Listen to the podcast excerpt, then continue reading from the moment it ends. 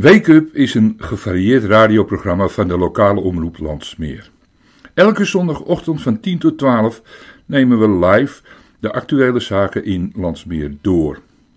En uiteraard komt ook de politiek daar vaak uitgebreid ter sprake.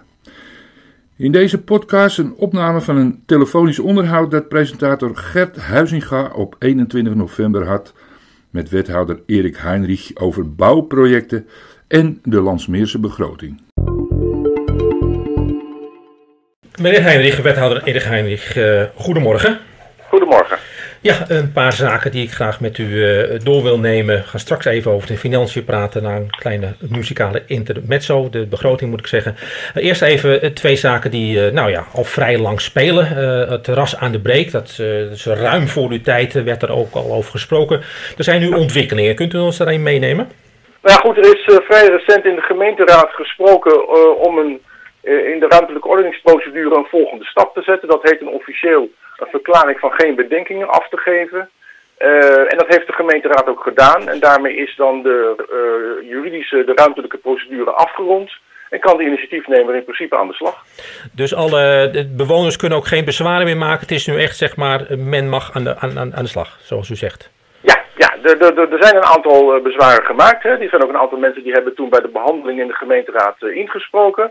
Nou, daar is de, heeft de gemeenteraad ook op gereageerd.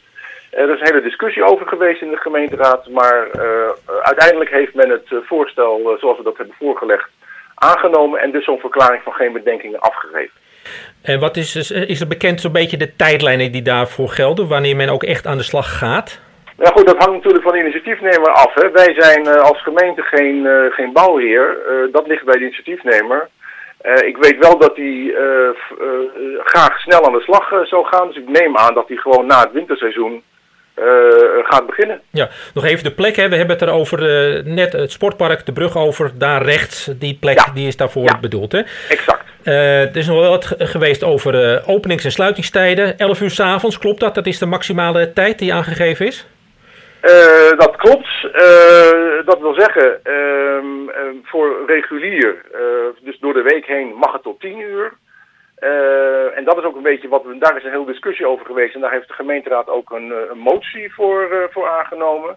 Ehm, en daarmee hebben we, ook al, hebben we ook afgesproken dat die tijden ook zo aan de, in, de in de vergunning die aan de ontwikkelaar wordt gegeven, aan de initiatiefnemer wordt gegeven, die sluitingstijden ook worden vastgelegd.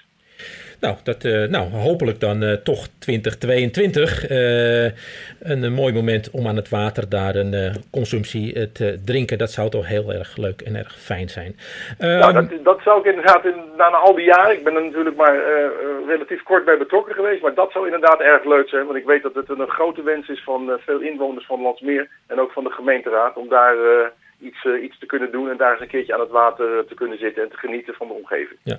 Niet ver daarvan af ligt het terrein van Van de Akker. Daar wordt inmiddels ook uh, zijn initiatieven daar rond voor, hè? Ja, de, de, ja, ja, vergunningen. Ja, ja, daar is door de gemeenteraad ook een besluit over genomen. En ook daar ligt het nu bij de initiatiefnemer om daadwerkelijk aan de gang te gaan. Daar komen in principe 32 appartementen. Uh, uh, en ook daar geldt weer van de procedure is door de raad in principe afgerond, door de gemeente daarmee afgerond. En daarmee kan de initiatiefnemer aan de slag. Kijk aan, nou dat zijn de goede berichten. Uh, dan hebben we nog een andere bouwlocatie, dat is eh, bij de ringweg de Volkstuinen. Eh, verplaatsen, Volkstuinen verplaatsen. Voor eerst was het een hotel en nu wordt er gesproken over een resort. Even, ja. we hebben het nog steeds over dat resort, hè? Dat, dat, ja, klopt. ja. Uh, want even voordat we erover gaan praten, in een recente vergunning, de, toekenning, daar wordt nog gesproken van een hotel. Is dat een, een misverstand of een oud bericht? Of, uh... Nou goed, er is nog, we zitten nu in de, in, de, in de fase dat we een overeenkomst gaan sluiten met de ontwikkelaar. Ja. Ehm, daar heeft de gemeenteraad ook de kans gehad om daar opvatting over kenbaar te maken. Dat hebben ze ook gedaan. Daar zijn ook een aantal standpunten door de gemeenteraad ingenomen die nu weer met de ontwikkelaar uh, be, uh, besproken worden. En als dan die overeenkomst gesloten gaat worden, en daar ziet het wel naar uit, dan pas gaat de ruimtelijke procedure starten. dus dat is, eigenlijk zitten we nog helemaal aan het begin van het traject. We gaan een overeenkomst sluiten met de ontwikkelaar. Waarbij ook zeg maar, vastgelegd wordt dat de gemeente die gronden gaat verkopen in principe aan die ontwikkelaar. En dan kan de ruimtelijke procedure voor het ontwikkelen van het resort starten. Maar het, het, hotel is geen optie meer, ondanks dat het misschien nu administratief nog ergens genoemd wordt. Nee, het gaat om een resort. Ja. ja. het gaat heel duidelijk om een resort. Ja. Er wordt natuurlijk ook gesproken, ja, leuk dat daar nou uh, recreatiehuisjes komen, maar ja, waarom geen tiny houses of wat dan ook voor de landsmeerder of de landsmeerder jongeren? is dat een keuze die de gemeente heeft kunnen, zou kunnen beïnvloeden? Van doe maar geen resort, maar doe iets voor de landsmeerder?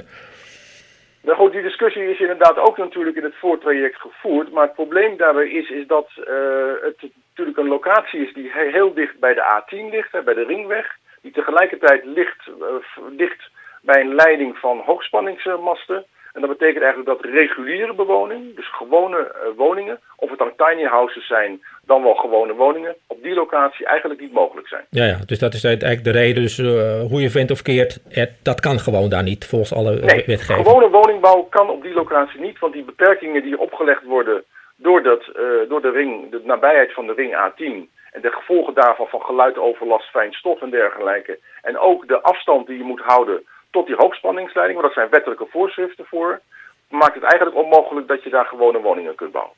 Wat aan de andere kant ook, uh, als je natuurlijk even naar het noorden gaat richting Luiendijk, daar zijn die woningen niet ver, veel verder dan dat die, uh, deze bouwlocatie zou zijn, hè?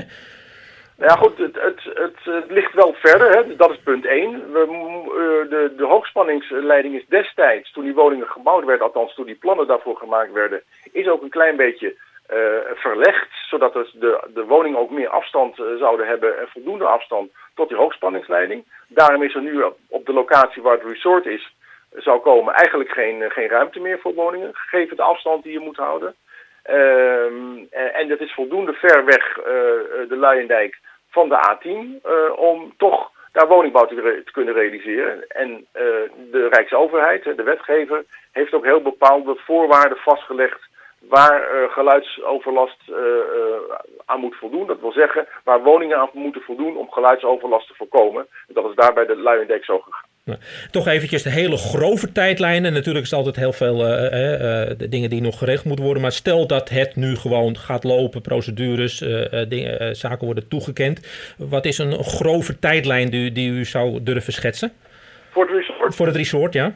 Nou, dat zal nog wel een paar jaar duren voordat dat uh, ontwikkeld is. Want ja. we moeten, uh, moeten realiseren, uh, zo'n ruimtelijke procedure, daar kunnen mensen ook weer zienswijzen uiteraard op indienen. Er kunnen bezwaren op gemaakt worden. Nou, dat kost tijd. Het is ook een behoorlijke ontwikkeling natuurlijk. Hè. Het is eventjes niet zomaar iets wat je in korte tijd uit de grond stamt. Dus voordat dat staat en gerealiseerd is, zijn we wel een paar jaar verder. Nou, dat is nou ja, dat duurt nu eenmaal lang blijkbaar met, met bouwprojecten. Dat weten we natuurlijk eigenlijk ook wel als we om ons heen Ja, ruimtelijke projecten duren lang in Nederland. Hè? Ik bedoel, dat moet zorgvuldig gebeuren. Je moet met uh, veel uh, zaken rekening houden. Je moet er ook voor zorgen dat als mensen zorgen hebben, bezwaren hebben, dat je daar op een goede manier mee omgaat. En dat kost tijd. Ja. En natuurlijk, alle resultaten worden natuurlijk alleen maar duurder. Hè? Als je natuurlijk naar de huizen kijkt en uh, als Van de Akker al uh, drie jaar geleden klaar was geweest, de huizen zijn onderhand anderhalf uh, keer zo duur wat er gebouwd moet worden. Dat is natuurlijk wel erg jammer voor de potentiële kopers. Ja, nou dat is zeker een punt. En dat betekent ook dat we alles op alles moeten zetten om te proberen die procedures te verkorten, dus te gaan versnellen. En dat heeft de gemeenteraad ook vrij onlangs besloten om te proberen procedures sneller te doen, zodat uh, we dus geen onnodige tijd uh, steken uh, in, in procedures die eigenlijk op een betere manier afgehandeld kunnen worden, om precies om te voorkomen wat u zegt, dat je door vertragingen hogere bouwkosten hebt en dan misschien ook weer hogere prijzen voor die woningen hebt. Ja. dat moeten we proberen te voorkomen. Ja. Uh, nou, we gaan toch maar even meteen door naar de, de begroting. Uh, op zich goedgekeurd en het ziet er goed uit als ik uh, de, de, stukken lees in, in, in de pers en ook de verslagen van de vergadering. Voor volgend jaar ziet het er goed uit, maar u zegt heel duidelijk van nou pas nou op, het ziet er even goed uit. Dat heeft ook te maken met subsidies die uit het Rijk nog gekomen zijn. Maar Landsmeer, pas op, de komende drie jaren zou het best wel eens wat slechter kunnen gaan. En Landsmeer houdt daar rekening mee. Vat ik dat goed samen? Nou ja, goed, wat je nu ziet uh, in de begroting is dat uh, er voor uh, volgende jaren, dus dat is 23, hè, het gaat over de begroting ja, 2022, ja, ja. dus in de, na, de jaren daarna, 23, 24, 25, de begroting nog niet sluitend is, dat er nog een tekort in de begroting is. Dat tekort moet opgelost worden. En tegelijkertijd zijn er nog grote onzekerheden, want u zegt nu subsidies van het Rijk, hè, dat noemen we dan de algemene uitkering. Hè, dus de, de, de, gelden die alle gemeentes van de Rijksoverheid krijgen, gewoon ieder jaar weer. Maar die gelden die kunnen aan schommelingen onderhevig zijn, afhankelijk van het beleid van de Rijksoverheid. Uh, en ja, we weten dat er, nog geen nieuw kabinet zit. We weten ook nog niet wat het beleid van het nieuwe kabinet gaat worden en wat dat eventueel voor consequenties voor gemeenten gaat, gaat hebben. Dus mijn boodschap aan de gemeenteraad was van oké, volgend jaar 2022 hebben we een sluitende begroting. Dat is erg mooi. We hebben geen nieuwe uh, bezuinigingen hoeven door te voeren. We hebben geen extra belastingen hoeven te verhogen. Dat is allemaal zeer positief. Maar wees wel een beetje voorzichtig, want de komende jaren zijn er nog grote onzekerheden. En daar moeten we rekening mee houden. Nou, de knoppen waar natuurlijk de gemeente aan kan draaien is natuurlijk... Nou, we gaan straks even praten uh, met Anriek Verhoeven en Erik Knibbe over, over subsidie. Maar andere zaken, de inkomstenkant, afvalstoffenheffing en OZB... dat zijn knoppen hè, waaraan gedraaid kan worden... waar de landsmeerder, de bewoner, aan, aan bijdraagt. Zijn dat dus ook uh, belangrijke factoren... waar de landsmeerder verhoging kan verwachten de komende jaren?